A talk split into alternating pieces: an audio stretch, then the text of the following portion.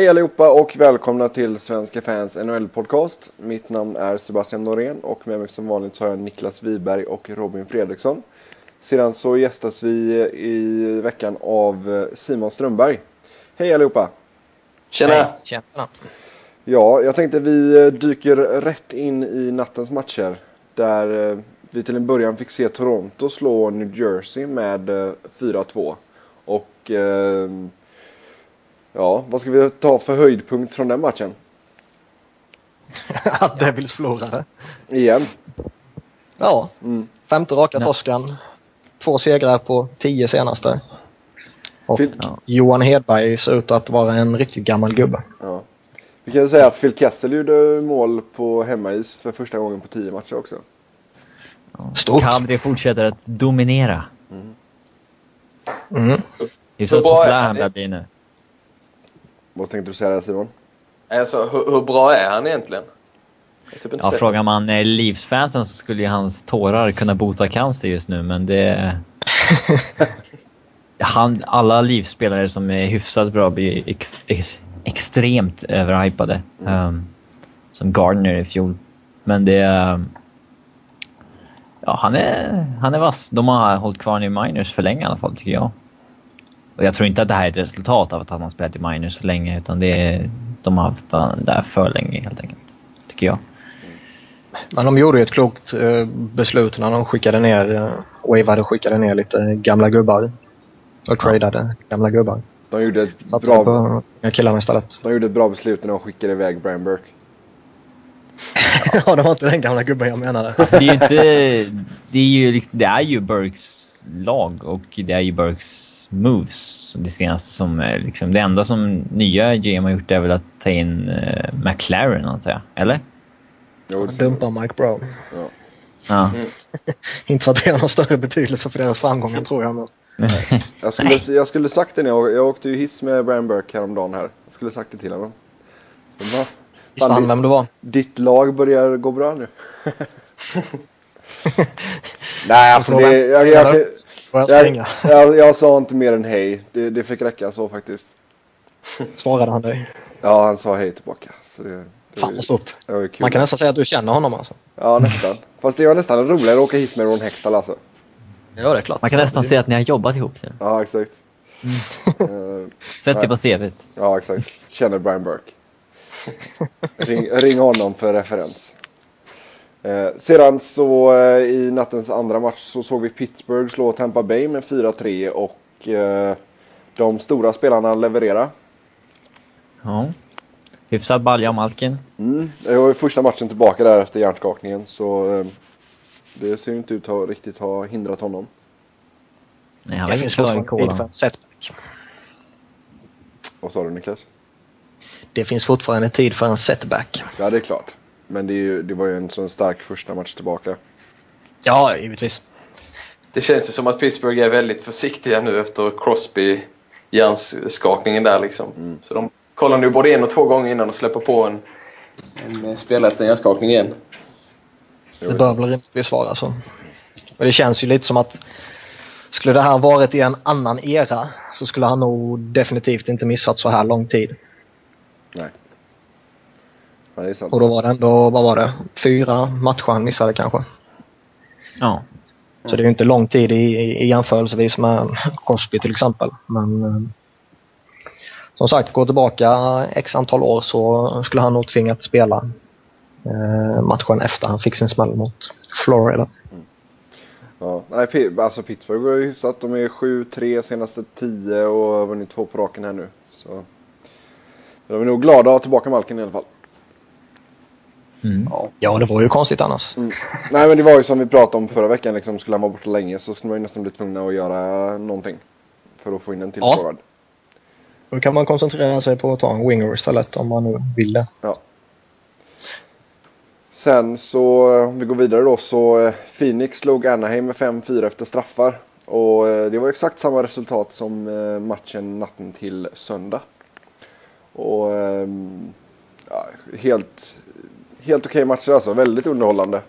Eh, var ju 3-2 till dags där och sen var det ju, ja jag tror det tog 11 sekunder eller någonting, kanske lite mer. Sen så kvitterade Phoenix och sen gjorde Anaheim 4-3 och sen så tog det en minut så var det 4-4 och fram och tillbaka. Det är härligt att se. Och, Schysst. Ja, vad tänkte du säga Simon? Schysst straff av Oliver Ekman Larsson där, sista avgörande. Ja, ri- riktigt snygg straff. Alltså han gjorde en kopia på eh, Sullivans straff. Han satte ju sin exakt i samma kryss där.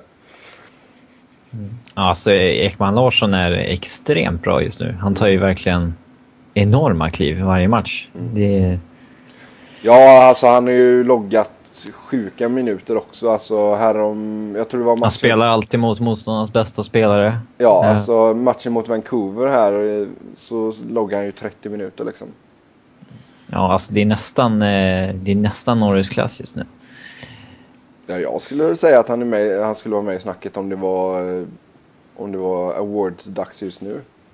Ja, absolut. Det måste man ju säga. Och, eh, men jag tycker det, han sa en ganska skön kommentar efter matchen där de intervjuade honom och liksom bara, när bestämde du dig för att, för att gå på krysset där? Han bara, nej efter Sullivan satte den där. Så det, men det var, det- Jonas Hille fick ju stå till förmån. eh, Fast fick, Förmån? Eller vad ska man säga? Han fick stå istället för eh, Fast i natt. Och eh, det skulle inte förvåna mig ifall Fast var tillbaka i målet nu i- när de möts igen. På, Det eh, bör han väl vara. på nat natten till torsdag. Nej, jag tycker alltså Hille gjorde ett par bra ingripanden men han, han är ju inte lika bra som Fast. Nej. Nej, inte i dagsläget. Nej. Så, så så är det. Och annars kan vi säga att eh, Shane Doan gjorde sin 800, 800 poäng i karriären med sitt mål och Keith Yandel gjorde sitt 200. Stort. Mm. Så det, Lombardi fick ju ett mål först och det hade varit hans hundrade mål men de tog bort det sen och gav det till Stone istället. Så var, men men, så är det. Shit happens. Ja, och i nattens sista match så tvålade Los Angeles Kings till Nashville med 5-1. Eh, efter att ha mäktat med sex skott på... Ja, jag tror om det var sex skott på två perioder eller om det var sex skott i andra perioden. Det har jag inte full koll på. Men i tredje så sa det pang, pang, pang. Och eh, Pekka Reine tackar för sig. Med dryga tio minuter kvar.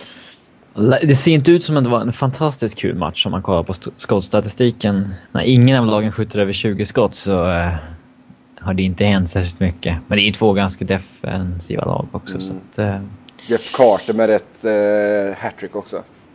mm. Jävla flyt. Men jag tänker nu, Jonathan Bernier spelar ju bra i Kings mål alltså. Ja, det gör han. Eh, Kan, kan det vara på gång med målvaktskontrovers i Kings? Mm, nej, det tror jag inte. Tror ni inte? Han har ändå vunnit fem matcher nu liksom. Fem av sex. Nej, alltså med tanke på det kontraktet man gav till Quick så tror jag Quick är nummer ett liksom. Det, så är det. Jag tror inte... Alltså det känns ju, man, det känns ju som man, man kan ju dra vissa paralleller till Vancouver. Eh, där liksom du har en första målvakt på ett, ja som Sebbe sa, ett riktigt kontrakt här och sen en ung kille som är på uppgång. Men det känns som att Quick, även om han har haft lite problem här under inledningen, är ändå liksom garanterad första målvakt. Mm. Och skulle det vara så att Bernier ja, tar det här nästa klivet som man kanske bör göra snart så har man en hyfsad uh, pusselbit att kunna bygga en trade kring. Mm. För att kanske få in en back om man, som man kanske behöver. Ja, absolut. Jo, jo, alltså det, med tanke på hur bra han spelar så... Jag, menar, hans värde ökar ju för varje match han vinner liksom. Så det, är- det, det, ju- det är ju både bra för laget att han, att han tar vinster och det är även bra för, för uh, GM Lombardi att han får någonting riktigt bra att kunna locka med liksom. Så som Niklas säger, Ja. en, back skulle man absolut behöva. För det känns lite som att det, alltså priset som det snackas om för Bernier är ju alltså det är rätt högt om man får gå på de ryktena som finns med tanke på att han har gjort ja, vad är det, 50 matcher eller någonting i NHL bara. Ehm, och sen, sen är det som du säger, alltså för varje seger han tar och för varje period han spelar så känns det som att det höga priset som Kings eh, enligt rykten då har satt kanske är ja, mer och mer befogat helt enkelt. Sen får man ju se när det närmar sig trading deadline då vilka lag, alltså. Det beror på lite vilka backar som kommer vara tillgängliga också tror jag. Mm. Känns det kanske inte som Bernier en, en spelare man skickar iväg på deadline heller. Han är ingen typisk deadline... Ingen typisk deadline-byte. Nej, det är i och för sig sant men samtidigt så behöver ju alltså Kings behöver ju en ordentlig back om de ska kunna vara med i snacket i år igen. Mm, det känns lite som att det beror lite på vad Los Angeles vill göra. De har inget behov av att släppa honom redan nu. Nej. Eh, men beroende på vad man behöver ta in och vad det skulle kosta att ta in så känns det som att Bernier bör vara i diskussionen i alla fall. Ja. Nej, för jag menar det, det är ju lite tragiskt när Alec Martinez kommer tillbaka och alla fansen bara Yes, Alec Martinez är tillbaka. liksom man bara oh, juhu. Fan vad nice. ja men det är ju stort ju. Nej men det är alltså som sagt man är fortfarande Green och Mitchell borta så. Eh, vi får se, Mitchell har ju ändå tränat en del så får se om han kommer tillbaka snart. Mm. Yes, det var nattens matcher. Har vi någonting annat att tillägga ifrån natten som har gått? Nej. Nej. Nej. Då, eh, då drar vi oss vidare och så ska vi snacka lite trader. Och eh, jag vet, jag vet att Niklas vill prata om Simon Gagné från LA till Philadelphia som var ett Philadelphia skicka ett conditional fourth rounder pick. Så skulle Flyers gå till slutspel så blir det ett tredje rundsval för LA. Så att det blir ett fjärde rundsval alltså? ja, just det. Niklas, take it away. Uh, ja, alltså det här var, om man bortser från att Gagné i de här matcherna han har hunnit spela har gjort det väldigt, väldigt bra. Uh, och jag tror att han kommer passa in bättre i Philadelphia i dagsläget än vad han kanske gör i Los Angeles i dagsläget. Och framförallt kommer han nog ha en väldigt viktig roll i Sean Couturiers utväxling. Där han spelade med honom och Max Talbot i sina två första matcher. Eh, men om man bortser från liksom de faktiska prestationerna på isen så det man ska väl inte säga eh, kritik eller förakt eller sådär va, men den lite negativa känslan som supporterskaran som helhet hade mot ledningen. Den eh, svepte man ju under mattan genom att trada tillbaka Gagner. Med tanke på att alla Flyers-fans eh, ja, älskar honom. Mm, du har lite man-crush på honom? Jag har en rätt stor saftig jävla man-crush på honom ska jag säga. Uh, och sen är det väl klart att alla inser väl att det inte är den här 40-målsskytten från Foppas uh, tid i, i Flyers som har kommit tillbaka utan kan han chippa in med något mål här och där och, och ge en, en tredje kedja som får ännu mer uh, tvåvägskompetens och lite ledarskap och lite rutin i omklädningsrummet så ser jag det här som en jättebra trade. Mm.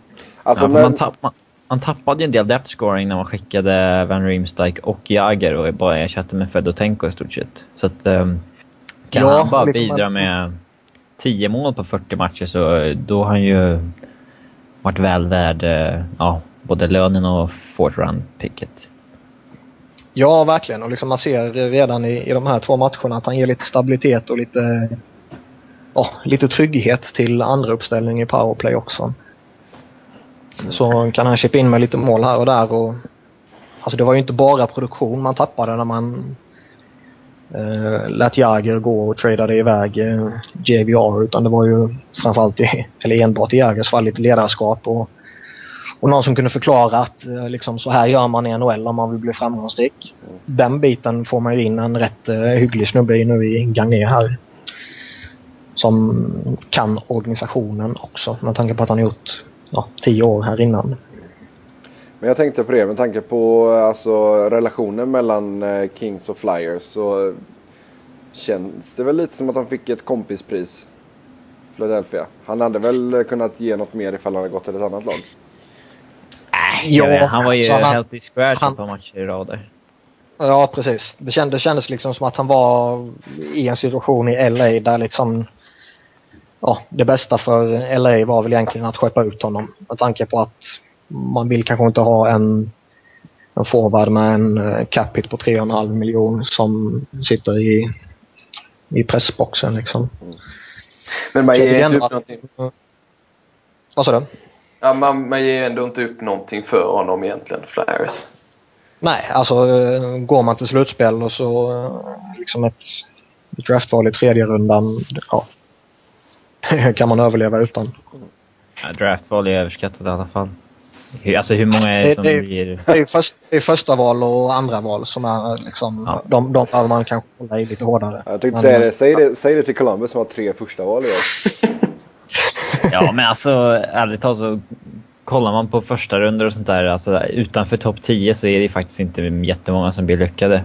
Men eh, det, det är klart att det, det skadar ju inte att ha draftval, men kan man få något bra för att skeppa iväg dem så eh, varför inte liksom.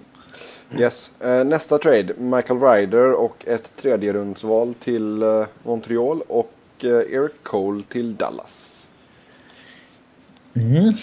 Den är lite spännande för att Cole har ju två år kvar på kontraktet efter det här och Ryders kontrakt går ut i år. Men Ryder är yngre och ändå så vart det en tredje rundare till Montreal.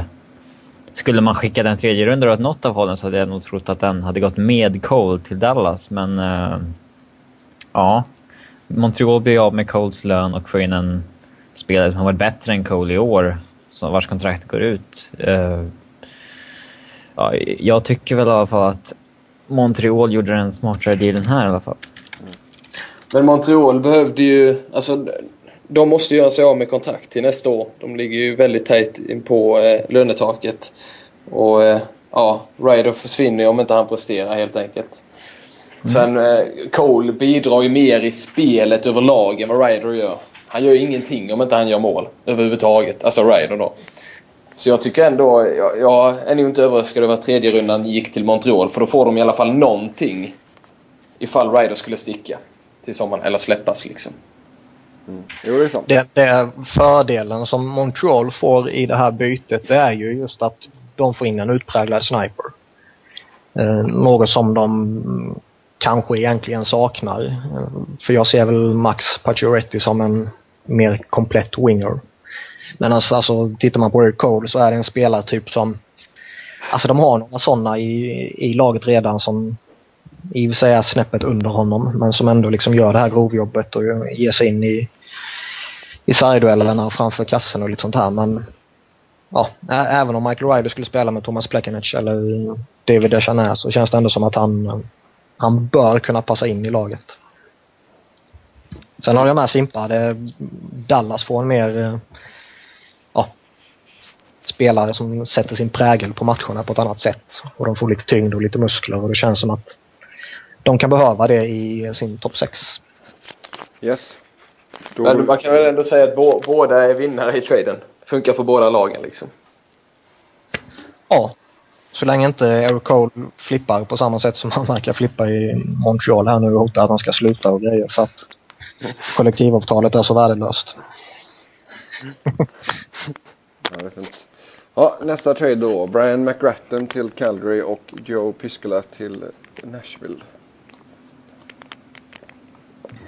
Ja. Ja, alltså Ja! man kan räcka axlarna och gå vidare. Okej, ja visst. Det är lugnt för Det, mig. det, är liksom, det är en icke-faktor för Calgary och samma sak för Nashville. Liksom. Det, Yes. Då tar vi Mac Brown till Edmonton mot eh, en eh, conditional fourth rounder. Eh, blir en tredje runda ifall Oilers går till slutspel. Ja. Och det är Toronto som får det picket. Det, ja, alltså det man kan säga om Mike Brown är väl att han är en rätt alldaglig spelare. Men han vet sin roll och han sköter den rollen väl. Och verkar vara en rätt så uppskattad lagkamrat. Att, om man går på Toronto-spelarnas reaktioner efter traden. Sen kommer han ju inte lyfta Edmonton till några liksom skyar på det sättet. Nej, det, det känns väl som att de har andra spelare som ska ta hand om det va? Jo. Ja. Eh, Då tar vi oss vidare till eh, veckans avstängningar. Och vi börjar med Harry Solnerchuk i Philadelphia som fick fyra matchers avstängning. Ja. Ja. eh, Ska vi ta någon ja, annan än Niklas på den här för, först? Jag kan Va? berätta vad han gjorde. Sen kan ni få säga vad ni tycker. Ja, det kan du göra. Han eh, sänkte ju Mike Landin i Ottawa. Eh, där Landin eh, Transportera pucken genom mittzon och eh, ja, strax innan blå, offensiv blålinje så släppte han ut den mot sidan till vem det nu var. Och vrider upp sig lite in mot eh, mitten av banan och då kommer Solnichak i full fart och eh, sänker honom med en tackling mot huvudet. Mm. Ja, alltså jag tycker att den... Eh, det är klart att det blir matchstraff för att han hoppar in en tackling i huvudet på honom. Men eh, jag tycker att det är så... Han hoppar liksom hundradelen för tidigt känns det som. Det är liksom inte att han... Men han ska är- ju inte hoppa överhuvudtaget. Nej, men alltså det är ju... Alltså, Alltså, det är inte medvetet hopp utan Ja, men är vadå, ju... behåller han skridskorna på isen där så blir det en klockren alltså, tackling. Ja, men man kan ju aldrig tacklas utan att lyfta isen efteråt. Ja, efteråt, Alltså, men det är en annan efteråt, grej. ja, Ja, men men- efter är ju inga problem ju. Nej, han hoppar ju innan. Det är ju det, det, är där problemet är. Men jag menar liksom... Ja, att han misstajmar den ja. Jo, jo. Men tajmar, tajmar han den rätt så blir ju inte, alltså... Ja, det- men jag tycker inte att han har varit... Alltså i luften i eh, så lång tid. Alltså det är verkligen precis, precis innan Jo, som men han... grejen är den att på grund av att han hoppar den här hundradelen för tidigt så blir... Ja, så, träffar blir, han i huvudet ja. Ja, så träffar han blir huvudet. matchstraff, ja. Exakt. Men jag tycker, jag var förvånad att det blev fyra matcher. Jag hade kanske trott på två eller ja, max två. För att eh, det var men inget sånt extremt fall tyckte Ja, men jag. den ser ju riktigt bedrövlig ut. Ja, det är klart att det är matchstraff. Minst, alltså ja, två matchers avstängning hade jag kanske trott på. Men... På eh, något, på något sätt, alltså jag, jag brukar tycka som många andra att det gäller att titta upp i spelet. Men uppenbarligen så händer detta alldeles för ofta så då måste det vara något fel på... Det kan inte bara vara att spelare tittar ner i isen nu längre. För att det är väldigt många sådana här tacklingar där man faktiskt hoppar in i dem. Och jag menar, man måste ta krafttag mot det. Som sagt, jag har hela tiden tyckt att det är upp till spelarna på isen liksom faktiskt titta upp på hela, hela grejen. Men det, det hjälper tydligen inte att man säger det utan Jo, men det måste alltså, han upp till ansvar nu för, för, för de som tacklar liksom. Ja, det är han, dags att de också han, tar han stirrar ju inte blint ner i isen på denna. Nej men, men det, jag- jag håller med. Alltså, jag är helt för att det ska vara fyra matcher. Och jag, det är lite det som är min poäng. Att man måste kanske börja ta alltså, krafttag ännu mer. Liksom så här, även mot tacklingar som bara är lite över gränsen. Om man säger så. För att det, folk måste lära sig tackla nu. Jag tycker man, man kan inte skylla längre på att, på att spelarna måste titta upp. Liksom. För de ryker ju ändå. Liksom. Ja, jag, jag håller med Simpa här faktiskt. Även om folk säkert kommer tro att jag är färgad i det här fallet så tycker jag att det, alltså jag tycker det är en rimlig avstängning att ja, tre, fyra matcher något sånt där. Sen skulle jag givetvis hellre sett tre än fyra. Det ska man inte sticka under stol med. Men alltså han hoppar in i tacklingen. Sen om det är alltså väldigt tajt om man säger så som Robin var inne på. Det är det kanske men likväl han hoppar in i det. Han träffar huvudet. Eh, sen är väl då problemet att oavsett om han hoppar eller inte så kommer han träffa huvudet eftersom Landin inte är fullt uppmärksam och dessutom är lite framåtlutad. Så eh, även om han bara glider rakt in så kommer han smälla huvudet. Så det, det är liksom oundvikligt. Eh, och där, där tycker jag väl också att man har alltid ett eget ansvar men sen som Simpa är inne lite på också så det känns på något sätt som att den här respekten för varandra kanske börjar försvinna lite. Eller så är man så pass, vad ska man säga, rädd för att förlora sitt jobb. Som en snubbe som, ja, Solnichak till exempel som fick inleda lite i AHL och, och som kom upp sen och som har gjort det bra och som verkligen vill visa liksom att han vill vara kvar i NHL. Han vill inte ner och åka buss i AHL igen. Och då känner han att Nej, men jag behöver sätta de här tacklingarna och, och bidra med energi och, och så här för att vara, vara kvar här uppe och det behöver han. Sen känns det väl lite som att här gick det lite för, eh, för, eh, för långt helt enkelt. Nej men alltså visst, fine att han kommer träffa huvudet även om han håller skridskorna på isen. Men jag tror inte att alltså, första kontakten eller liksom huvudkontakten blir inte samma grej då. Utan det, blir, det kommer ju bli mer axel först och sen kanske huvudet. Mm, det håller jag med. Sen, sen är det ju det också att han fick en hjärnskakning och var tvungen att lämna matchen. Det påverkar, det vet vi. Skada eller inte skada, det påverkar alltid. Ja. Skulle Landin kunnat spela vidare, ja då kanske han skulle fått en eller två matcher bara.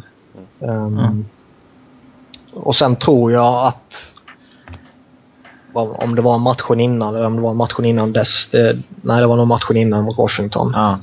Han sänkte eh, en Washington-spelare med en rätt liknande tackling men där han träffar höften då istället för huvudet liksom. Och, och slapp eh, avstängning och ligan hävde eh, hans eh, matchstraff och allt sånt här också. Men jag tror ändå att det satt kvar lite i huvudet på han när han tittade på den här videon.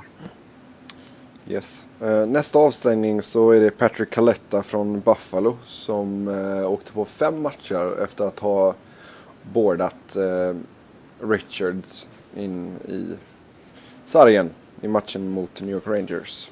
Mm. Ja, den är ju lite så lurig för den är inte så här, ja, extremt våldsam på något sätt eller sådär. Men det är en så här, så här hedersgrej att man crosscheckar inte någon i ryggen från det avståndet på sargen för då Liksom hade han varit en meter närmare sargen då hade det kanske inte varit en big deal. Men nu, just från det där avståndet, då blir det en, nästan oundvikligt att man inte faller in med huvudet eller nacken först i, i eh, sargen. Mm. Jo men alltså det är just det där avståndet. Jag menar vad är han? En och en halv, två meter från sargen kanske? Mm. Det, det, är ju där det, alltså, det, det är ju det där farliga avståndet. Eller vad, liksom, mm. För de säger ju det alltså, att det är dangerous play. Ja, för vi ser en crosschecking, alltså bara sekunderna senare när, boll, eller när pucken har rullat ner i runden, en crosschecking på Callahan. Men där är ju avståndet mycket mindre, så då flyger han in med brösten i sargen och liksom bara studsar tillbaka i stort sett. Så, ja. Men eh, liksom, ja, det är klart, det är inte så våldsamt sådär, men det är en hedersgrej liksom att man gör inte, inte på det där avståndet och eh, ja, det är väl inte så förvånande att det blir extra långa avstängningar eftersom han är repeated offender. Ja, eh, Nej, det, jag tycker den känns helt rimlig. Det är liksom... Det är en idiotisk grej att göra. Även om det inte blir våldsamt så kunde det gått väldigt illa liksom. Mm. Och det är ju det, är det man får... Ja, jag tycker det är i alla fall viktigt att liksom... Det, det är bara tur att han inte blir skadad egentligen. Ja, ja, alltså han, han, han flyger ju handlöst. Han är ju, nu vet jag inte om det har kommit någon update nu här på, på morgonen från andra sidan sjön men han var ju, igår var han ju tveksam till att kunna delta i matchen mot Philadelphia till exempel. Mm. Ja, lite ont i nacken har han nog idag. Ja, det bör han ha. Mm. Det kan man tycka. Lite ont ska man ha. Spela ja. på Rangers. Sen känns det liksom att... Ja, det har du rätt i. Sen känns det väl lite som att... Givetvis straffas han hårdare för att det är just Patrick Kaleda. Uh, skulle det varit någon annan spelare skulle det kanske blivit två eller tre matcher bara. Men det tycker jag är rätt att alltså är man repeat offender så, så ska man straffas hårt. Sen är det alltså, det går lite snack på internet framförallt då liksom att en del vill placera in honom i samma fack som till exempel Matt Cook och Raffy Torres. Um, och han är en smutsig spelare. Han gör många fula saker och han står inte alltid upp för det han gör. Men jag tycker det är lite väl hårt att dra han över den gränsen för det var Även om han gör fula saker så har det inte varit sådär extrema saker som de här två snubbarna kanske har gjort. Men sen kan man vända och vrida på det lite hur som helst och det är ju uppenbart att han inte lär sig av tidigare avstängningar och böter. Mm. Så jag, jag trodde faktiskt att ligan skulle slå ner lite kraftfullare mot honom än fem matcher. Ja men fem, alltså med tanke på att säsongen är kortad så jag menar fem matcher, det hade varit ja, drygt tio matcher om det varit normal säsong då liksom. Kan man verkligen tänka på det där sättet? Ja, det, måste, alltså, en ja, men vadå, det ju... måste man väl nästan göra. Det, det tror jag. Jag, jag menar, vadå, jag tankesättet tror... överhuvudtaget. Jag, tror... alltså en, ja, en... jag tycker det är en rimlig resonering. Alltså jag... en förseelse är ju lika farlig oavsett... Men man, ska, man straffas ju inte... Man, man straffas ju med en viss mängd matcher, inte en viss procentdel av säsongen så att säga. Ja, men det blir ju att de straffar en procentuell del av säsongen. Jag menar Tyler Hall borde åkt på mer än två matcher för den hela knätacklingen som han sätter in. Ja, tror, det jag tycker jag också. Men jag jo, tror, men jag tror att, att hade det varit, tänka hade, på det sättet. Ja, men hade det varit en full säsong så tror jag han hade åkt på minst en match till. Minst. Ja, det har jag ingen aning om, men jag tycker, absolut, jag tycker inte att man ska tänka på det sättet. Alltså det är upp till spelarna själva om det är en kort säsong att inte dra på sig en lång eh, avstängning, tycker jag. Alltså man kan inte komma undan med... Man kan inte komma undan med värre grejer och få färre matcher för det bara i år. Alltså ett, ett, för att det är typ ett undantagsår. Typ. Men, men effekten blir ju... Det är automatiskt Så att, Ja, ja, Robin, du får skicka ett e-mail till Shanahan och fråga. Ja. Det, det blir nog det enklaste. Men eh, jag tänkte om vi jämför Kalettas eh, boarding med eh, den tacklingen som Dan Girardi slänger in på, på Ennis. Ah, nej, det var ingen... eh, tycker jag i alla fall. Alltså, Girardis är väl en boarding, visst. Två minuter. Men Alltså skillnaden är väl att i den situationen så är det två spelare som går in i en tackling och precis innan smällen kommer så vrider den ena sig så att han hamnar med ryggen mot Mm. och dundrar rakt in i sargen. Medan den andra situationen är där eh, ja, motståndaren kommer rakt bakifrån och eh, sätter en crosschecking i, i ryggen på en, eh, ja, en spelare som rimligtvis inte bör kunna förvänta sig att få en crosschecking i det läget. Ja, bra, då har vi avhandlat det. Ord och inga visor. Ja, Om det inte är någon som tycker något annat. Nej, nej, nej. Absolut inte. Jag tänkte bara liksom det. Det är ändå så två boarding calls i samma match liksom. Det var mer det jag tänkte på. Ehm, nu ska Robin få prata lite för vi ska prata om Ryan O'Reilly.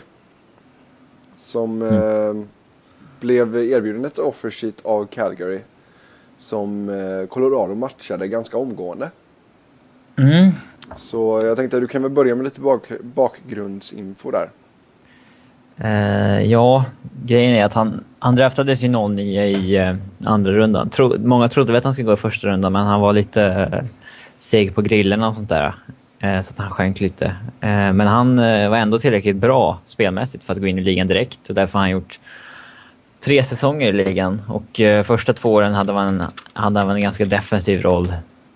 Men eh, sen de fick in Jay Clement så hade de eh, ja, kunnat flytta upp O'Reilly i en mer offensiv roll och då har han hans poängantal eh, exploderat rätt rejält. Um, och eh, efter de här tre åren så var man väl ganska oense om vad för typ av kontrakt han skulle ha. Eh, Colorado ville väl att han skulle ha en bridge deal på samma sätt som Duchene. Och O'Reilly tyckte att han hade ja, visat tillräckligt för att vara värd ett långtidskontrakt med en högre lön. Och där var man eh, aldrig ens nära varandra, verkar det som. För att bägge var stod ju fast vid ja, längden på sina kontrakt, helt, det, det de ville ha. Mm. Ehm, Men eh, ja, nu får de in O'Reilly i alla fall och eh, ja, det, det är klart att det innebär det är väldigt positivt rent spelmässigt att få in en, eh, en så bra center som honom. För att han är ju extremt bra i bägge, i bägge zonerna och uh, var bäst i hela laget i fjol poängmässigt och spelmässigt. Um, nu vet man inte vilken matchform han är och sådär men han, uh, han bör ju inte ha blivit direkt mycket sämre tycker man. Så att uh, det bör ju rimligtvis ge ett oerhört lyft att få in honom. Vad han skulle ha för typ av ja, svagheter som står här i eh, körschemat så kanske... Ja, jag vet inte. Det är väl att han inte är i matchform helt enkelt. Jag tror inte att han har så spelmässigt många svagheter. Så... Eh, eh, sen beror det lite på hur man kommer använda honom och sånt där men eh, första matchen så gick han i alla fall in i en tredje line med Jan Mitchell och Milan Hejduk. Okay. Men jag tänkte, för de som kanske inte vet detaljerna på kontraktet. Så eh, vad var det som eh, Calgary erbjöd O'Reilly? Det var 10 miljoner dollar över två år. Alltså den lönen, eller den cap hiten O'Reilly ville ha på ett långtidskontrakt ryktades de. Eh, 5 miljoner dollar. Eh, men vid varje offer sheet så finns det ju alltid en catch, så att säga. Det är inte bara ett vanligt kontrakt oftast. Likt eh, Philadelphias offer sheet till eh, Nashville så var ju haken där att Nashville skulle behöva punga upp ja, 27 miljoner dollar första året eller vad det var. Och i O'Reillys fall så är det ju att lönen andra året på kontraktet är 6,5 miljoner dollar. Vilket gör att de kommer tvingas igenom ett qualifying offer på 6,5 miljoner dollar nästa år om de ska ha kvar honom som eh, restricted free agent. Um, men eh, ja, man tyckte väl inte att utbytet ett första, ett första rundsval eller tredje rundsval var tillräckligt för att ge upp Ryan O'Reilly så att man valde väl att matcha och det... Ja, jag, jag varit lite... Valt fram och tillbaka men eh, ja... Jag tror nog ändå att det var, kan ha varit rätt. Tycker jag i alla fall. Ja men alltså det är just det med grejen att de skulle få ett första och ett tredje val. Jag menar om något så skulle ju Colorado tradeat honom. Och fått spelare som gått rätt in i laget. Eller hur? Mm. De behöver ju inte draftval. Ja, det beror på. De är ju... De är ju lite i en rebuild-fas även fast de har fått in massa unga spelare nu. Så de, de behöver inte så många fler liksom. Men ehm, ja, jag, jag tycker nog ändå att det var rätt att matcha. Men jag, det beror lite på vad som kommer ske i framtiden här. Om de matcha för att trade iväg honom om eh, 360 dagar eller vad det är. Det, det vet jag inte om jag tycker att de borde göra. Eh, men eh, rent sportsligt så hoppas man väl på att det här innebär att man trade, alltså att man väljer Ryan O'Reilly före Paul Stastny och tradar Paul Stastny mot en backpartner till Eric Johnson. Eh, och så blir Duchene och O'Reilly lagets eh, one-two punch på centerpositionerna. Ungefär som Boston kan ha i Tyler Seguin och Patrice Bergeron. I, Nej men alltså Det, det, det som du nämner nu, det är ju det som jag kanske kan tycka är det mest intressanta nu när de har matchat. Eh, för här står man nu med tre stycken, alltså rätt vettiga centrar. Och det känns som att ingen av de här tre förtjänar att spela i en tredje kedja med lite halvhyggliga kedjekamrater. nej. Utan där liksom, visst nu, nu kanske det väl är rätt rimligt att man sätter O'Reilly i, i den rollen i en handfull matcher här till han hittar matchformen och liksom timing och flyt och hela den biten. Men sen efter det så känns det ändå som att, som du är inne på, att man, man kanske bör ta ett beslut att okej, okay, vi har tre snubbar här. Ska vi satsa på två av dem och tradea iväg den tredje? Eller ska vi behålla alla tre och försöka ha någon av dem som tredje center där ingen av dem egentligen är ultimat för den rollen? Eller ska man kanske till och med skicka ut någon av dem som uh, winger? Eh, uh, Matt Duchene till exempel som jag tror är den som skulle lösa det bäst. Men det känns också fel. Mm. Ja, han vill inte vara winger själv och då är det så här, ja. Känns som en dum Nej, och han har varit att- helt okej okay som center nu under inledningen här liksom. Ja, absolut. Ehm, Mm. Och skulle man göra ett beslut att man sätter Paul Stastny som tredje center och ska köra det long term, då kommer han eh, testa marknaden nästa sommar när han blir unrestricted free agent istället. För han skulle ju kunna ta en första centerroll i ett Phoenix eller ja, något annat lag. Det, det kan jag hålla med om. Men du, du tror ändå att man kommer satsa långsiktigt på Riley här nu eller? Att det blir Stasny som Eh. kommer offras? Eh, jag hoppas det, men det tror jag inte på. Direkt när de matchade så skrev Pierre LeBrun att hans källa säger att de kommer trada O'Reilly om, alltså om ett år direkt när de kan det. Eh, mot ett bättre utbyte. Men känns inte det lite riskabelt? Tänker jag. Alltså, Jo, det är det skulle han inte prestera nu. Det kommer inte vara någon som vill plocka honom för 6,5 miljoner då på, eh, som man måste lägga ett qualifying offer på då ju. Ja, ja det är en jäkla risk att ta, men ja, ett första och tredje för O'Reilly var inte så lockande och...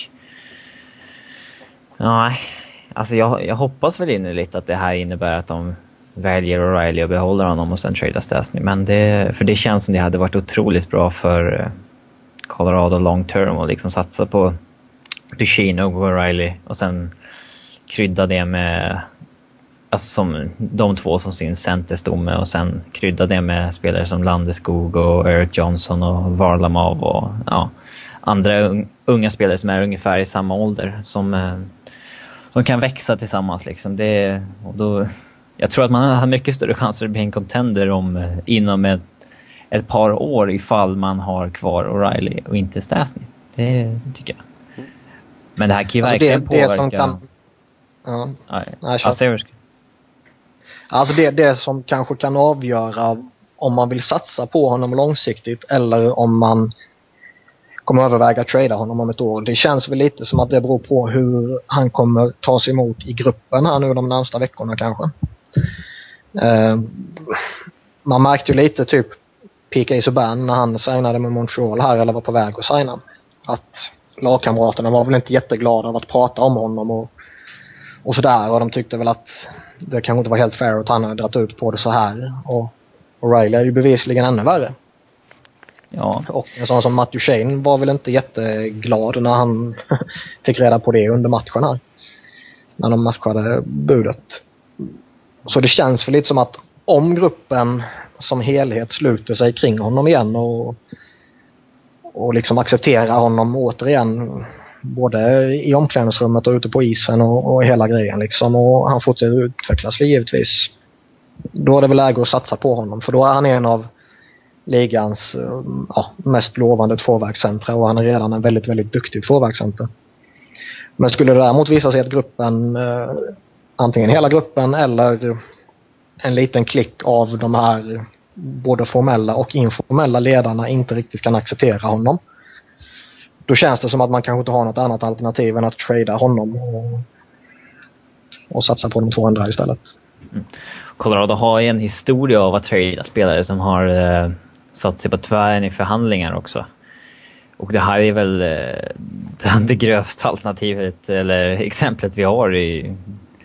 Jag menar han signade ju KL till och med och för att kräva på ett kontrakt som krävde att han skulle få bättre betalt i NHL för att komma hit. Ehm, ehm, eh, men sen så är ju Ävs inte ett lag som är villiga att spendera särskilt mycket pengar och det är ju inte bara det att O'Reilly kanske kommer tjäna en miljon för mycket utan det här kommer ju påverka liksom, ja visst, Matt Duchene var schysst och signade en bridge deal trots att han förmodligen skulle, skulle kunna fått mer betalt.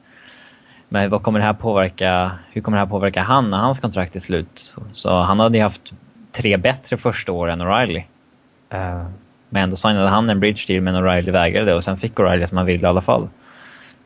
Hur kommer det påverka Duchene och hans agenter när Duchenes kontrakt är slut nästa sommar? Och uh, kommer det påverka när Landeskogs kontrakt är slut? Uh, ja. Varlamov. För, ja, Varlamov och Eric Johnson eh, inom sin tid och ja, alltså det... Eh, Greg Sherman har varit en stenhård förhandlare med alla restricted free agents och har en spelare visat att man kan, man kan knäcka dem och det, det kan komma att kosta dem mer än bara O'Reillys extra mille, Eh, vad man ska säga. Så där finns det ett argument för att kanske trada bort honom också. Men även om... Antingen så blir han ju dålig och då vill ingen ha honom. Eller så blir han... Eller så tar han den utvecklingen som han förväntas göra och då vill... Varför skulle de egentligen vilja trada bort honom då? Då har han ju bevisat att han är värd det här kontraktet liksom. Och, ja. Ja, det, det, det är ju om han inte skulle passa in i gruppen. Ja. Det, det, är den, det är den enda riktiga motiveringen som jag kan se. Liksom. Mm. Ja, jag, Eller om jag, jag, man tar det som en stor personlig förolämpning liksom. Då, då vet man inte vad man ska ha heller. Mm. Ja, alltså, jag har väl inget direkt tak för Riley. Jag tror att han kan bli en eh, Patrice Bergeron garanterat. Eh, och jag hoppas väl att han kan bli det. Så att... Eh, eh, ja, jag hoppas att han blir kvar, men jag är osäker. Jag tror inte att det blir så. Ja, du har lång tid på dig att fundera i alla fall. Ja. Jag sitter och grubblar många nätter där. vad, vad säger vi om Calgarys äh, agerande i hela den här situationen då? Um, ja, alltså, det är ju som Greg Sherman sa att uh, de har rätt i nya CBA att ge dem ett, ge ett offer sheet och vi har rätt att matcha det helt enkelt. Så det är ingen som har gjort något fel egentligen. Uh, det är lite intressant det är att Jay Feaster är ju liksom ja vad ska man säga, han var ju typ lärling så att säga till Pierre Lacroix i Ads organisation och han var ju hans mentor och det är han som har typ postrat Calgarys GM. Eh, och sen så gör han det här för att försöka stjäla deras blivande superstjärna. Men eh, jag, jag, är väl konst, jag är väl lite mer förvånad att offer inte sker mer ofta. Kompensationen är inte särskilt hög. Och eh, alltså lämnar man sina restricted, alltså låter man sina stjärnspelare gå till restricted free agency så ska det inte enligt mig dröja särskilt många dagar eller veckor innan det landar ett ganska saftigt offer sheet där. Är man så korkad ska man straffas för det. Jag menar, när Steven Stamkos gick till restricted free agency, jag, varför var det ingen som... Alltså någon klubb med extremt mycket pengar som däggade upp ett kontrakt som man ändå kan leva med men vet blir väldigt saftigt för en annan organisation att ta. Liksom en capita på, en Crosby capita helt enkelt på ett tioårskontrakt eller någonting. Det är... För att verkligen, alltså även om, det skulle ju förmodligen Tampa matcha då, men då sitter ju de på ett jävla kontrakt liksom. Jo, det är sant. Plus att de redan har Le Cavalier då liksom. Ja. Det, pra- det pratades mycket om att Philadelphia skulle lägga ett offer sheet på honom.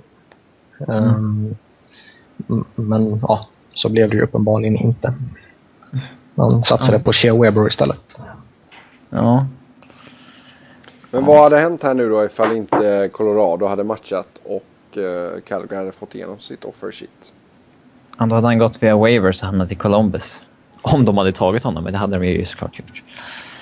Och eftersom eh, en del av det här kontraktet var en sign-on bonus så hade ju Calgary fått betala O'Reilly innan han gick på waivers också. Um, eh, så att... Eh, ja, det, han var ju på väg mot en riktig fuck-up här, eh, Jay Feaster. Men det... Man kan inte direkt beskylla honom för det, för att eh, Colorado visste inte om det. Eh, och eh, Ryan O'Reillys agent visste inte om det heller. Han säger att han, då hade han aldrig låtit eh, O'Reilly signa ett offer sheet.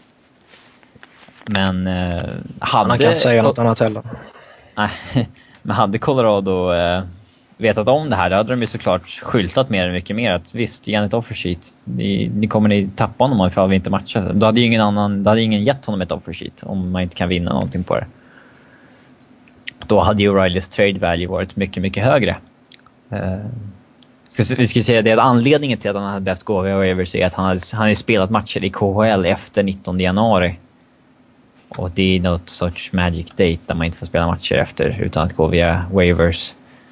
Ehm, Men, det är, klart, men det, det är väl klart man måste kunna sky- skylla på Feaster om, om det hade blivit så liksom. Om ja, visst. Men det var ju verkligen ingen som visste om det. Liksom, det är ju... Nej, men det är, väl, det är ju deras jobb liksom. Annars hade jag kunnat Ja. sitta Alltså de- man inte kunna reglerna. Cal- Calgary försöker ju skylla på att de hade tolkat eh, texten i kollektivavtalet eller vad man nu ska säga på, ja, på ett sätt medan eh, den skulle tolkas på ett annat sätt. Och om det faktiskt är så eller om det är en efterhandskonstruktion för att försöka rädda det lilla anseende som man kanske kan tänkas ha kvar. Det, det vet de väl bara själva men det skulle ju onekligen ha blivit ett, en tabbe av rätt episka jävla proportioner. Fattar man hade blivit liksom en alltså, framtida Selke Trophy-vinnare fem gånger om och så spela in Columbus liksom. I, och, och det är bara Calgarys fel.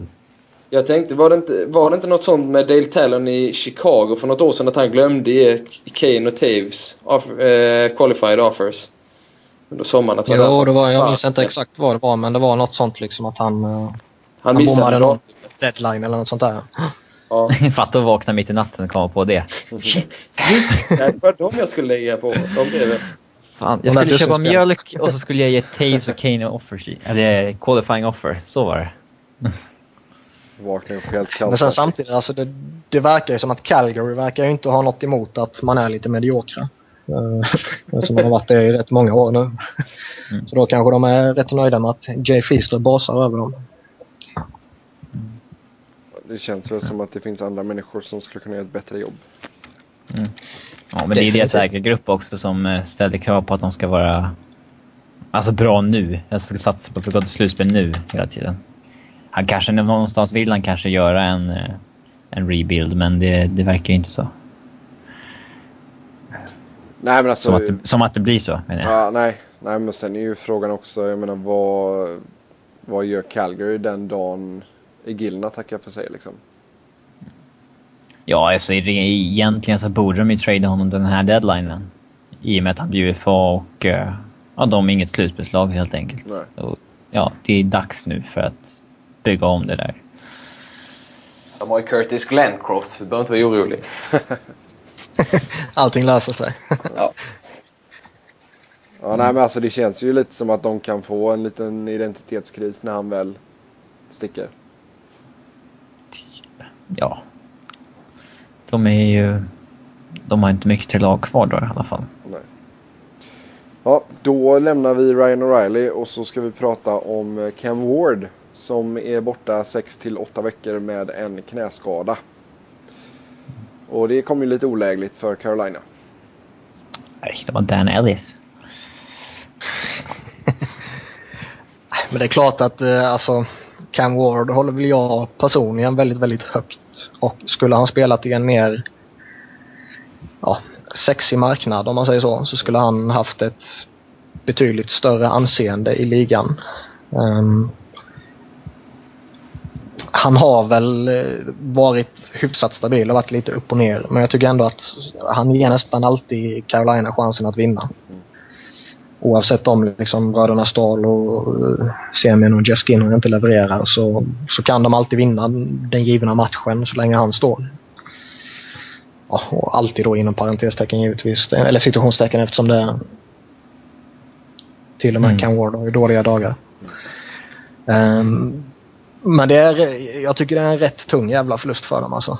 Han, han är duktig. Ja. Om man säger så, de har, ju, de har ju tur att både Theodore och eh, Garon också är skadade. Det är liksom tre målvakter nu som i princip är tre, första målvakter i, i Southeast som är skadade. Ja, och hela divisionen går redan eh, rätt halvknackigt liksom. Kan ju bli räddningen. Ja. Ja, alltså det sägs ju nu då att Dan Ellis och Justin Peters kommer att försöka täcka upp här nu då för Ward. Ehm, alltså spontant, håller det verkligen? Det kan mycket väl att det inte gör, men jag vet inte vad de ska gå efter annars. Ska de trada till sig Bernier och sen så trada bort honom igen om två månader? Eller det är ju... Nej, alltså de måste väl... Det är inte en tillräckligt lång skada för att de ska göra någon större move. Men det är också en tillräckligt lång skada för att de inte ska klara sig, tror jag. Alltså det är ett svårt mellanläge där. Ja, men alltså med tanke på hur säsongen är, jag menar 68 veckor, det är ju... Det är ju en jäkla Ja. massa matcher alltså. Men samtidigt så är det ju... Alltså, Carolina är ett så pass bra lag att man klarar sig med Ellis i mål. Och om man då kollar på att de spelar i den sämsta divisionen i NHL så lär de ta sig till slutspel med vem som helst i mål. Tror jag. Mm. Och jag, jag tycker att Ellis förtjänar den här chansen efter den inledningen han har haft. Ja.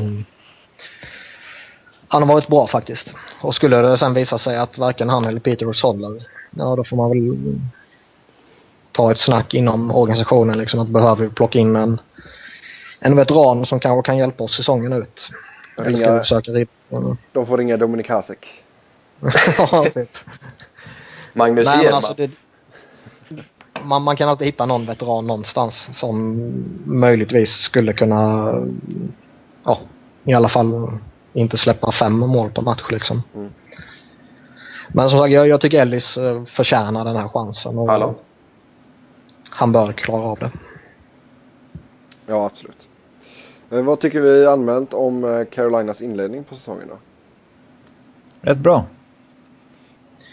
Ja, alltså det, det känns ju lite som att eh, precis som alla lag har de haft lite skadeproblem.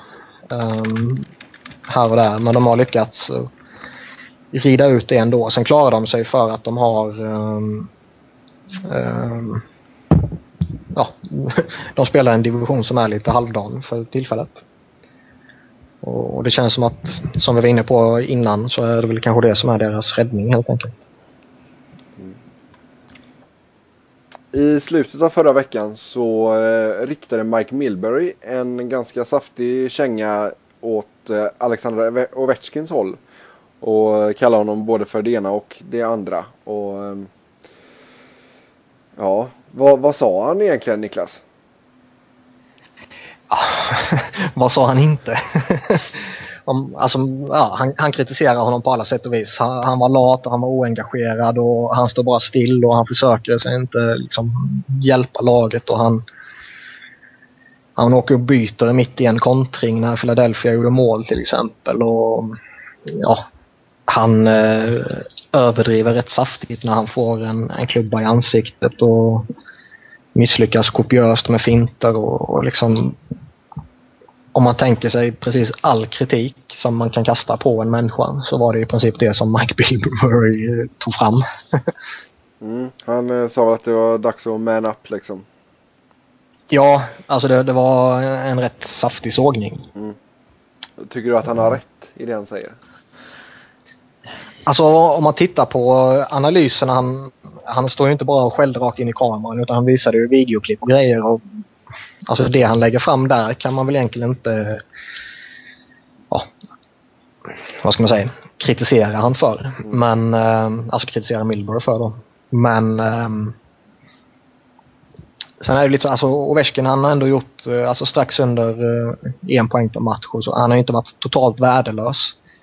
Problemet är bara att han är rätt kass om man säger så om man jämför med den tidigare Ovechkin. Mm. Och framförallt om man tittar på vilket eh, kontrakt som Washington har med honom.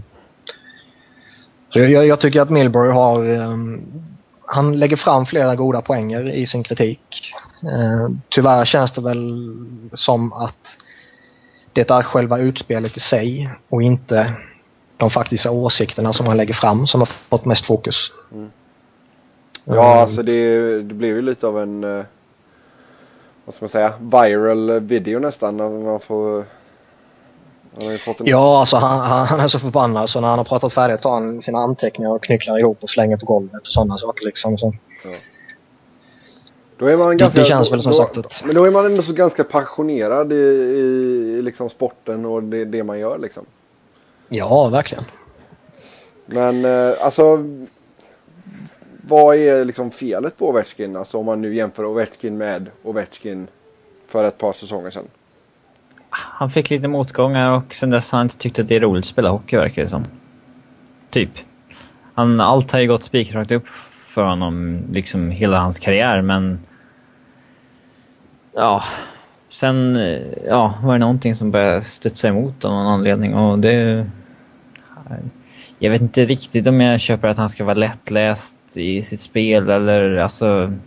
Om det är den stora anledningen, det, det vet jag inte. Eh, har man alla de verktygen som han hade och var dominant med så ska man ändå kunna fortsätta i hyfsat liknande takt tycker jag. Uh, har man liksom det skottet och jag menar jag tror inte Stamkos kommer vara en 30 målskytt inom snar framtid.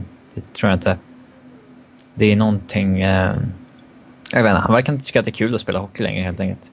Det började väl alltså, egentligen jag... efter eh, när Ryssland åkte ut mot Kanada i OS 2010. Det var väl efter det som eh, dippen började. I princip. Mm. Och sen mm. dess har han inte återhämtat sig. Då ty tyckte han inte det var roligt, som ni säger, det, då var det inte roligt längre. Och ja, sen dess har det skitit sig ganska hårt. Alltså, ja, det, det, känns liksom lite som att alltså Capitals försöker ju göra honom till en spelare som han inte är. Uh, alltså det här med Dale Hunter där man försökt göra honom till liksom en ja, vad ska man säga? En, uh, alltså dra ner hans stjärnstatus till att bli en, en liksom en, en random winger i ett topp 6 liksom och, och, liksom gå in och ja, sköta sin defensiv framför allt annat och, och liksom offra det här offensiva finurliga för att lägga fokus på andra saker. Och där någonstans känns det liksom också som att det är någonting som har hänt med honom. Att Medan New Jersey till exempel har hittat en, en hyfsat fungerande formel med Kowalczuk så känns det som att Capitals inte har lyckats bibehålla den alltså formeln som man hade med Ovechkin i början på karriären när han gjorde liksom 65 mål eller vad det var. Så jag, jag, tror det handlar om att han måste liksom, ja, han måste finna den här friheten på isen och, och hitta den här glädjen som, som ni är inne på också. Ja, det är någonting i Washington också, för Bäckström är ju inte sig själv heller den han var för några år sedan och Semi var inte sig själv heller förra året sett till hur bra han var för några år sedan och Mike Green ska vi inte snacka om heller. Det, mm. de, de, de, försökte visserligen, de försökte visserligen börja spela en mera eh, defensiv hockey för att ja, inte åka ut slutspel direkt, så det kan man väl köpa men ja, man, eh, Dale Hunter höll väl tillbaka Ovechkin lite för mycket tycker jag och jag trodde att Adam Oates skulle få fart på honom igen. Att han skulle låta Ovechkin ja, vara Ovechkin och låta han dominera på det sättet han kan, men eh, ja, det verkar inte som... Bäckström ser ju omöjligt ännu mindre glad ut än Ovechkin på banan. Mm. Tycker jag i alla fall. Det snackas ju lite om att det är hans hjärnskakning som har gett honom liksom sådana problem nu. Men jag vet inte. Men det, eller så är det bara så. Han, var, han pikade tidigt i karriären. Så enkelt kan det ju faktiskt vara. Jo men det känns ja, lite konstigt. Jag menar han är 27 år. Alltså han borde ju vara i sin absoluta prime nu liksom. Ja. Mm. Sen är det också, alltså, när, när, när, han var som allra bäst så hade han ju en spelstil alltså där han åkte runt och smällde och tacklade så la fruktansvärda mängder energi på precis allt och allt. Liksom. Ja, ja, han var ju som en galen tjur. Mm. Ja, alltså det, det, är ju någonting som man... Det finns liksom inte en chans i världen att man kan hålla det under en hel karriär. Mm. Uh, och åker man inte hålla upp den frenesin i sin skridskoåkning och i sitt närkampsspel och allting liksom. Ja, då är man kanske halvdan istället. Uh, mm. Ja, men det borde inte man... komma så tidigt då i alla fall. Kanske vid 30 man tycker det. Man tycker det, men som sagt han, han var rätt jävla energisk när han var som allra bäst. Och, alltså, tanken kanske är slut. Det kan vara så enkelt, jag vet inte. Ja, jag tror det är ju... mer än bara en sån sak, men... Vi såg ju Kowalczyk dippa rätt kraftigt för, något år, för några år sedan också. Eh, för att sedan studsa tillbaka. Men det har, med Ovechkins fall så har vi sett han en dippa under flera års tid nu, mer och mer. Men alltså vem vet med... med Jaromir Jagr sa ju folk var slut också för en tio år sedan och han var han satt på ett för fett kontrakt och Washington ville bara bli av med honom också. Eh, sen eh, studsade han tillbaka när han skickades till Rangers. Eh, jag vet inte, Ovechkin kanske också gör det om han skickas någon annanstans. Jag vet inte. Ja men alltså, he, alltså rimligtvis alltså borde Washington trada Ovechkin? Kan man trada Ovechkin? Jag tror inte han har så mycket värde just nu. Han är liksom... Uh... Jag tror att det, det utbytet man skulle få för honom i en eventuell trade är inte så pass stort så att det är värt att trada honom.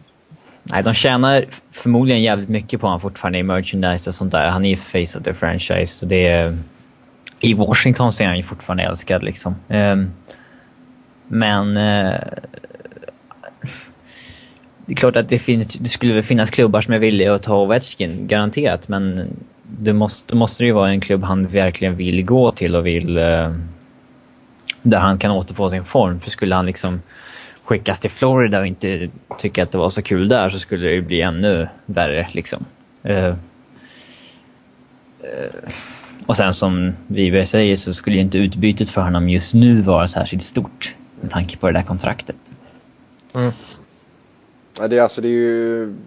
Jag vet inte, alltså, det är ett riktigt jävla eh, huvudbry det här alltså. Det är, att ha gått från att liksom smälla in 112 poäng, 110 poäng, 109 poäng. Sen så bara stadigt neråt. Det är... mm. Nej, vi får se om man eh, hittar tillbaka till sin... Till den Ovechkin han var en gång i tiden. Det känns ju jävligt alltså, konstigt att snacka om honom, om honom som en Föredetting. Ja, men en pikad spelare redan liksom. Och det, som jag sa, det är 27 år liksom. Det känns jäkligt konstigt. Ja. Men men, så är det. Vi lämnar Ovechkin där och så ska vi prata lite Florida med eh, Simon. Mm. Yay! Mm. Som vi längtat. mm. Nu, uh, nu parkerar... Alla har ju mejlat oss och vill höra om Florida jättelänge nu. Så ja. det kul att... Necrobutcher har nu det i alla fall. Mm. nu, uh, Ja. Nu eh, parkerar man på sista plats i Eastern Conference. Ja. 17 inspelade poäng på 22 matcher. Man är ja. 2-5-3 de senaste 10. Två raka förluster. Det är ju som det är så att säga. Eh, säsongen är ju i princip körd nu kan man ju säga. Eh, ja, det, är väl, det håller nog de flesta med. Det är bara, bara 6 poäng upp till en slutspelsplats men man ska ju förbi en massa lag och just nu så ser ju det inte ut att hända och precis nu när vi satt och eh, snackade här så på Twitter kom det upp att Steven Wise blir borta resten av säsongen också. Eh, på grund av en handledsskada. Så det ser inte ljust ut i Florida om man säger så. Eh, problemet egentligen hela säsongen har väl varit... För, alltså, för, först och främst försvarsspelet. Eh, allt från målvaktspositionen till forwardsen. Målvakterna har varit usla, rent ut sagt. Eh, stora delar i alla fall. Eh, backarna har eh, inte hållit måttet överhuvudtaget. Det är väl Campbell har ju varit bra offensivt. Eh, gjort mycket poäng, men defensivt har inte han varit speciellt bra. I fjol var han ju faktiskt ganska bra defensivt också. Mm. Det har han inte varit i år. Eh, Mike Weaver började dåligt, annars har han väl varit... Han och Kulikov har väl varit de enda som har varit hyfsade bakåt. Eh, och bland forwards så har de typiskt det här juniorfenomenet. Att alla forwards hamnar bakom eh, offensiv förlängda mållinjen liksom. Inte med hem. Det har varit väldigt mycket 3 mot 2 och 2 mot 1. Eh, sagt med dåliga backar då och eh, dåliga målvakter som man inte kunnat täppa till bakåt. Sen har man eh, varit alldeles för ojämna på alla sätt och vis egentligen. Vissa matcher har man gjort väldigt mycket mål för att i nästa två, tre matcher inte göra någonting överhuvudtaget. Eh, så det, det, det mesta har varit problem i Florida helt enkelt. Och därför ligger man där man ligger. Mm. Ja, nu är ju eh, Theodore skadad också. Och eh, vad är statusen på hans skada? Kommer han missa resten av säsongen? Ja, det är väl 56 eh, veckor så det kommer han ju i princip. Han kommer inte vara tillbaka i matchträning innan det. Så han har nu spelat sin sista match för Florida Panthers i alla fall. Ja. Uh, Men inte det bara bra egentligen? Alltså... Det är, rent, det är faktiskt löjligt att de bara håller kvar Markström i AHL. Han är ju knappast... Det är inte som i Ottawa att Lener inte är bättre än Craig Anderson. Markström är ju åtminstone lika bra som Clemensen och Theodore. Varför inte liksom satsa på honom nu bara? Han har ju haft mycket skadebekymmer och inte spelat en hel säsong i AHL. Två knäskador både första och andra året. Eh, så man ville att han skulle få en hel säsong för att vänja sig vid det matchschemat så att säga. Eh, och sen har han ju varit väldigt ojämn i AHL också. Varit väldigt eh, skakig framförallt i början av säsongerna för att sen hitta formen ganska rejält på slutet. Eh, så det är det, det Talon och Santos har sagt. Eh, att de vill att han skulle ha en hel säsong i AHL.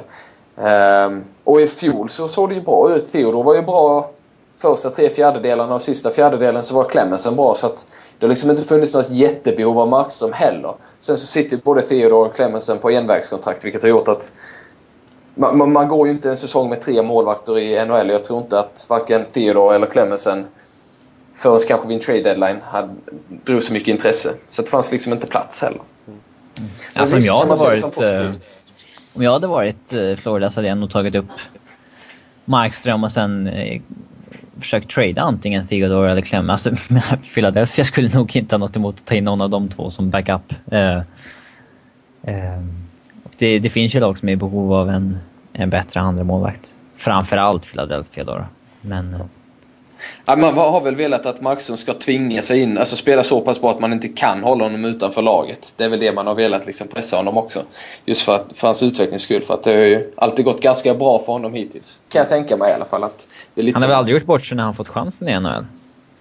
Nej, nej, NHL har ju varit väldigt bra till och med. Eh, det var väl första matchen mot New Jersey, alltså debuten då när han spelade, kom in mitt i matchen. Det är inte så jätteschysst att göra det heller. Men nej. Då såg han lite skakig ut. Men har, om man har tittat på hans spel så han har ju räddat mycket skott. Eh, men kanske inte varit jättesäker i målet ändå. I år har han varit det, men i fjol så hade ju väldigt bra, räddningsprocent men ändå så här, släppt mycket returer rakt ut liksom. Sen så har han tagit returen men det har mer varit, då har han bara gått på instinkt. Och klart du vill ha en målvakt som inte behöver göra superräddningar om man säger så. Mm. Och jag tror det är det man har velat att han ska vänja sig vid i AHL liksom. Mm. Men kommer han få en ordentlig chans här nu? Nu kommer det, Talon sa alldeles nyss här att uh, the Markstrom era has begun. Så okay. att Markström-eran har börjat. Eh, no, han kan inte direkt, no pressure. Han kan inte säga, han kan inte direkt hålla honom kvar i AHL efter att ha sagt sådär. men vi ska börja i AHL ändå. Nej men... Eh, nej så att det... det nu, nu kommer han ju verkligen få chansen och, eh, och stå jag tror spelar han bra så lär han ju ta över första spaden ganska direkt. Nu senast mot... Jag kommer inte ihåg vilka de mötte. Buff. Nej, vilka var de mötte senast? Ja, skitsamma, då stod i alla fall publiken och ropade We want Markström. Ja, det var väl Carolina de mötte senast? Carol ja, just det. Mm. Precis. Uh, Men bör man inte eh, släppa fram honom nu egentligen oavsett hur eh, han och Säsongen är körd fall. presterar? Ja, det känns lite så. Jo, och det... Då, någon av dem här hade väl försvunnit i slutet i vilket fall Om man hade kunnat bli av med dem. Det vill säga Theodor mm. satte ju en eh, no trade-klausul så att det var inte så lätt att göra sig av med hans kontrakt. Men sen samtidigt säger man åt honom till att uh, antingen tradas du eller så sitter du på läktaren säsongen ut. Då, då accepterar man ju en trade ju. Ja, men nu slipper han ju det problemet. Talon överhuvudtaget. Mm. Uh, så jag tror, jag tror han är ganska glad för alla vill väl släppa fram en spelare som Markström kan man ju tänka sig. Mm. Han tycker det. Mm. Uh, jag tänkte, vad, vad hände med Alexej Kovalev? ja, för några dagar sedan sades det ju att inom ett par dagar så kommer så kommer eh, han inte... Ja, så kommer han liksom bryta kontraktet på något sätt. Eh, nu är det väl... Det har fortfarande inte kommit överens om någonting egentligen men han har spelat sin sista match för Florida i alla fall. Och det är ju, vad är det som har hänt egentligen? Har han varit skitdålig eller vad är det ja, som är... Ja. Han... Det liksom finns ingenting i honom egentligen. Det, han kan stå och hålla i pucken i mittzon när man ligger under med 4-1 liksom men skapar ingenting egentligen. Han är, han är för dålig helt enkelt. Han är för gammal. Så enkelt det. Som de flesta trodde inför när man signade honom också. Ja, han var inget bra i KL och han var inget bra året innan det i NHL. Så att... Nej, ja, det var ju en chansning som inte gick hem helt enkelt. Ja, men eh, du har ändå så sagt här att säsongen är körd. Och eh, ja. vi, det är väl ingen annan som tror något annat heller av oss som pratar här nu. Men eh, vad tror vi då inför, eh, inför, nästa, inför trade deadline och inför nästa säsong? Tror du att Florida kommer vara aktiva på, på marknaden? Ja, men om man säger Theodore hade kanske varit eh, eh, eh, en, en, spelare man hade kunnat byta bort, men nu är han skadad och missar säsongen. Wise, samma sak. Han har väl man vill byta bort troligtvis, men eh, ja, nu är han ju borta resten av säsongen också. Så att jag vet inte riktigt vem, vad, vad, man har i truppen som någon skulle vara intresserad av. Det är klart Kuba, men han sitter på ett alldeles för dyrt kontrakt liksom. Eh, Kopeschki vill man ha kvar. Eh, jag har svårt att se. Det är väl kanske Marcel Gotch eller sådär men... Man har alltså inte den så jag spontant... De två jag spontant tänker på nu, nu när det blivit som det blivit med Whites och, och Theodore. Det är ju Mike Weaver som jag tror skulle kunna vara rätt attraktiv för flera lag som lite djup och lite rutin på, på backsidan. Och sen en sån som Scotty Upsall men nu är han borta, de sa inom, alltså länge till i alla fall stod, eh, sa de här. Alltså han, han, så, så pass eller? Ja, han är inte nära en comeback. Okay. Och, då är, och Weaver är också borta i fyra fem veckor. tre fyra veckor. Mm. Så att, eh, Eh, och jag tror inte Florida vill göra sig av med Weaver. Det är klart, skulle man få ett väldigt bra bud så skulle ju... Han, han är ju inte untouchable. Men eh, jag tror samtidigt att man gärna vill ha kvar honom för han har varit bra i Florida. Inte speciellt dyr och eh, har ju kontrakt över en säsong till. Liksom, så att jag tror man vill ha kvar honom. Hur har, hur har det varit med Chris Verstig? Han har väl inte spelat så mycket, men han har väl inte varit så bra när han har... Eller? Nej, nej precis. Och det är samma sak. Det är skadorna. Han, han gjorde en comeback och sen fick han en tackling av Ovechkin just då. Riktig bröstvärmare. Så att... Eh, har missat några matcher till och jag vet inte hur många matcher han hann göra innan men det var väl en 3-4 matcher eller något sånt. Och det, han, han, kom liksom inte in i det. Han hade kommit in i det och... Mm. Eh. Men eh, jag gillar ju eh, Peter Mueller som eh, Colorado släppte. Jag hade gärna resignat honom och skickat David Jones. Eh, men det var ju lite osäkert med Muellers hjärnskakningshistorik där men eh, han verkar ju gått okej okay, i alla fall. Mueller har bra. Det är ju den kedjan som har funkat med Peter Mueller, Drew Shore och Jonathan Huber. Då. Även när de inte har gjort mål eller poäng så har de skapat extremt mycket. Mm. Eh, och nyckeln i den kedjan är egentligen Drew Shore. Kan säga, som kom upp nu från... Eh, han spelade en, ja, lite i AL nu innan här och slog sig in i laget helt enkelt. Han var så bra från första matchen. Eh, och eh, han tog en roll i den kedjan som låter Jonathan Huber då och och eh, Peter Mueller att gå offensivt. Det är det de är bra på liksom. Han, tillåter, han, han hjälper dem göra det och så sköter de sin grej framåt. Så det är en väldigt spännande kedja. De, väldigt mycket bra lösningar i offensiven. Men... Ja, ja, Jonathan Huber då har varit riktigt eh, sexig i vissa matcher, men han är ju lite så här, det är ju lite rookie över honom. Det, han kan ju vara, göra 3-4 poäng någon match och sen kan det vara poänglöst i fem matcher typ. Det är ju lite så streaky jag vet att det är en del Colorado-fans som fortfarande tycker att de borde ha draftat honom istället för Landeskog, men ja.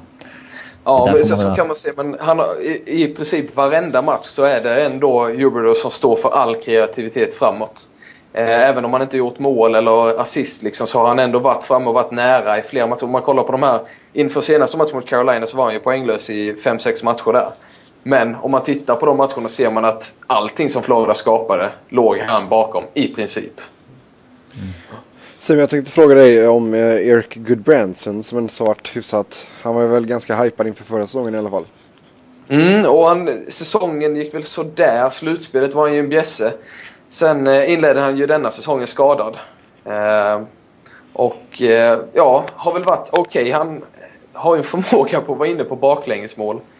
Eh, och det är klart en defensiv back ska ju, det är precis vad han ska undvika egentligen. Men jag ser ändå mycket potential i honom. Jag tycker fortfarande att han, han eh, har om man säger alla, eh, alla verktyg för att bli en, en stor back som håller rent framför mål. Eh, en stor ledare och jag tycker man ser det i hans spel att han är en ledare. Liksom, han smäller på. Sen så ser han lite, lite, faktiskt lite lätt ut fortfarande. Han skulle nog må bra av att lägga på sig ytterligare några kilo. För att bli den backen han kan bli. Men det, jag det är tror- ingen spelare som man skulle kunna tänka sig att släppa eller? Nej, det tror jag inte. Han är, han är kaptensmaterial och eh, eh, den, sortens, den sortens back ska man nog ha lite mer eh, tålamod också. Liksom. Just de här defensiva rollerna. Det är mycket ansvar och det märks direkt om du hamnar fel i positionen eller sådär. Så jag tror inte... Han, han, han är inte tillgänglig för ett byte. Det tror jag inte. Ah, som sagt, han är inte o, eller så, untouchable han heller. Men eh, det ska nog mycket till för att han ska försvinna. Yes. Har du något annat du vill lyfta fram från eh, Florida? Ja, det- det är väl egentligen skadesituationen. Det är ju tragiskt att se liksom hur eh, spelare efter spelare trillar bort. Och det är ju synd. det är synd om Florida, synd om fansen efter förra säsongens eh, fina prestation. Man hoppades att det skulle gå lika bra i år, men det har det ju verkligen inte gjort. Men det ser ändå positivt ut. Många, eh, många unga spelare som kommer upp och gör bra ifrån sig. Colby Roback har varit uppe och spelat lite, backen. Eh, sett stabil ut. Eh, Alex Petrovic har varit bra i AHL och han lär också komma upp nu. Han har varit skadad lite så därför har han inte kallats upp. Men han lär komma upp och få lite speltid i NHL. Så att det är ändå, trots att säsongen i sig har gått väldigt mycket bakåt poängmässigt och spelmässigt, så ser det ändå positivt ut. Eh, och det känns lite so for more slump för Kevin Dinin kanske. Mm. Yes. Jag tänkte vi ska fortsätta att utnyttja Simpas eh, expertis här och prata lite Minnesota. Mm. Och eh, ja, alltså man, just nu ligger man på en slutspelsplats i alla fall men det har inte varit den här dundersuccén som eh, många trodde att det skulle bli inför säsongen. Nej, och man ska ju ha klart för sig att det tar väl ett, ett tag att spela ihop eh, ett lag som egentligen inte har extremt mycket nya spelare, men det är väldigt tongivande spelare som är nya. Zach Parisi och, och Ryan Suter då inte minst. Men eh, vad ska man säga så här långt? Det är ju samma, samma Minnesota-problem som alltid. Man gör inte så mycket mål och man spelar ganska tråkigt. Man sätter ingen jätteprodukt på isen egentligen trots att man nu har ett väldigt spännande lag på pappret. Eh, I början så funkade ju den här första kedjan med Mikko Koivu, Zach Paris och Danny Heatley väldigt bra. Så de dog ju ganska rejält. Eh, så har man haft tur då att andra kedjan med Devin Sedegucci och Matt Cullen, eh, som då har spelat där i princip he- hela tiden, att de har kommit igång lite på sistone. Eh, så att man, man lever lite på att olika spelare streakar vid olika tillfällen. Och det är väl en, en positiv grej egentligen. Men det, jag, jag tycker ändå när man sett dem, de ser stabila ut. Jag, jag tror de tar sig till slutspel. Jag var inte helt säker inför säsongen, men jag tycker ändå att man ser att, att, eh, att det är ett lag som tar sig till slutspel. Mm, jag, jag tror ju att de kommer ta åttondeplatsen där. Faktiskt. Ja, man får inte ha höga, för höga förväntningar på dem egentligen. De var ett av de sämsta lagen i NHL i fjol. Bara för att man får in Sutter och Parisi så betyder inte det att man blir en contender över en natt liksom. Ja men det var ju så det utmålades i alltså, Ja, jag vet. media. Det var ju lite det var ju överdrivet som fan liksom. Men sen så har man ju många rookies, alltså Mikael Granlund som man hoppades skulle gå in och bli andra center har inte riktigt eh, lyckats ta den rollen liksom. Eh, Och sen så har man ju Jason Zucker, Charlie Coyle, Jonas Brodin. Alla de tre tycker jag har gått in och spelat väldigt, väldigt bra. Mm. Framförallt Brodin då. Har varit mm. fantastisk på back. Eh, spelar ihop med Ryan Suder ju. Får mycket istid också. Ja, vad, alltså just Brodin där. Alltså är det en uh, blivande storback vi har där? Det tycker jag absolut. Jag, han, kan, ja, han kan bli hur bra som helst. Han är ju extremt lugn för sin ålder. Mm. Extremt tålmodig. Han spelar ju som om han har spelat i NHL i tio år liksom. Mm. Väldigt lite rookie-misstag. Ja, jag tyckte han såg väldigt stabil ut när, eh, när Minnesota har varit över här och spelat. Jag har sett honom, fått se honom live liksom. Det, jag tycker han känns som en bättre backpartner till Suter än uh, Spurgeon. Uh, ja, det är väl lite om man vill få med det. Spurgeon är ju en offensiv back liksom. Mm. Uh, renodlad offensiv back. Uh, har väl inte eh, någon jätteåsikt om, om hur man ska para ihop dem men det är väl klart att det är perfekt för Brodin att få spela med Suter. Eh, och Spurgeon är ju mer etablerad så att han klarar av sig kanske bättre ett, eh, med någon lite sämre back bredvid sig. Mm. Men alltså de här två stora namnen då, Parisi och, och liksom, vad, vad det innebärt för, för hockeyn i Minnesota? Alltså, det, jag antar att det är jäkla mycket mer drag kring laget i Minnesota i alla fall. Jo men så är det ju. Det är ju The Hockey State och två hemmasöner har liksom kommit hem. Eh, så bara det är ju en stor grej. Och Minnesota var ju lite på dekis där ett par år. Liksom man, de första tio åren så håller man ut varenda match på hemmaplan. Men det tappar man ju sen. Och, som sagt en dålig produkt på isen och man går inte till slutspel. Då, då tappar man intresset även i Minnesota. Fast jag tycker det har kommit tillbaka eh, i Parisi och Suder då, deras ankomst. Och det finns, man är väldigt optimistiska nu liksom. Det, det gav ju hela, hela eh, området en, en, eh, högre självförtroende liksom. Mm. Och det är klart det är väldigt viktigt. Sen så har jag inte faktiskt koll på publik eh, statistiken men det är väl inte omöjligt att de börjat fylla den varje match igen, arenan. Jag tror de hade fullt i början men det har slagit av lite nu. Och det man har sett när man kollat i alla fall på antal stolar fyllda. Men... Eh, ja, det kan ju fortfarande vara man... sålt. Ja, ja, absolut. Det finns ju en del lag som säger att allt är slutsålt, men det är hälften tomma liksom. Mm. Eh, ja. Det vore väl inte så konstigt om man tappar lite publik när man spelar Hammerfall inför varje tredje period. ja. ja det, det, är förståeligt. Ja, de, de, de, de kör inte Darude Sandstorm i alla fall i varje match. Nej. Fury of the Wild, såklart. Spännande. Ja, eh, jag tänkte vi skulle snacka lite snabbt om Danny Heatley och eh, Devin Sediguchi också. Om vi börjar med Heatley så, eh, ja, vad, vad ska man säga om Danny Heatley? Frågan är om han inte blir utköpt i sommar. Minnesota ligger ganska pyrt till om man kollar jämfört med lönetaket och han sitter på, vad är det, 7,5 miljon tror jag i capita. Mm. så att det är ju ett kontrakt som man absolut skulle kunna köpa ut. Eh, det är ju bara ett år kvar på det också. Så det är väl eh, frågan om inte han ryker. Men sen så han gör ju sina mål. Liksom. Han är ju väldigt streaky men han gör ju sina mål. Mm. Delar skytteligaledningen då med, med Parisi just nu. Interna där. Och... Mm. Ja men de har, ju en, de har ju en jävla cap sits i sommar. Eh, med tanke på Sutter och Parisis kontrakt. Så att, eh, de måste ju göra någonting. Alltså bli av med någon lön. Mm. Och det kan ju mycket. Alltså de har 12 miljoner kvar i lön till nästa år och de måste resigna Bäckström, Spurgeron, Falk, Clutterbuck, eh, Matt Cullen, eh, Bouchard. Ja, det, det får men, inte plats där. Men många av dem är ju sådana spelare som kommer att försvinna också. Jag kan tänka mig att Bouchard, han kanske får ett kontrakt men han lär inte få 4 miljoner, det tror jag inte i alla fall. Eller det är svårt att ja, men Då, då måste de ju ändå ersätta honom med någon som kan spela en andra line. Liksom. Jo, men Bouchard har ju inte spelat mycket och han har ju inte producerat mycket. Och jag tror man hoppas till exempel att Jason Zucker kanske, kanske kan ta den platsen, eller Charlie Coyle för den delen. Inte samma spelartyp, men, men ändå som kan gå in i en andra kedja.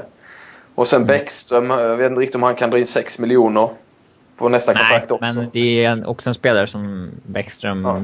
och hans agent vet att de inte kan släppa. De kan inte släppa en All-star-målvakt nu när de fått in men, men, det, men det är kanske så att Sedegucci, det står kanske lite mellan Danny och eh, Sedegucci där som köps ut. En av dem kanske man petar till förmån för någon av de yngre liksom, som man hoppas kunna gå in då och, och ta en plats till en mycket billigare peng. Fast en Ja, sån som väl- Setoguchi, han bör väl fortfarande ha ett visst tradevärde. Ja, det tycker man ju. Visst är det så? För även om han, det har gått lite, lite väl mycket ner istället för upp för honom i Minnesota så, så känns det ändå som att hans namn får ändå lite respekt med sig och man bör ju kunna få in liksom ett, eh, ja, i värsta fall draftval för honom liksom. Ja, Medan Hitley känns det som att ska man trada honom så måste man nog ta eh, rätt mycket lön tillbaka också. mm. Ja, men de, det, det är väl något kontrakt som går ut i sommar man får satsa på ett tag då.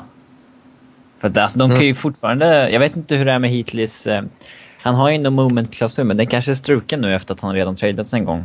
Eh, det brukar ju vara så ibland med de där. Mm. Ja, det är i och för sig sant om du säger att man tar tillbaka någonting som går ut i sommar. Det, då finns det väl en chans, men annars känns det väl som att det är, är ett ganska svårt tradeat kontrakt. Mm. Alltså det är inte så, här så att Heatley tjänar ju bara 5 miljoner nästa år också. Det kan ju vara lag som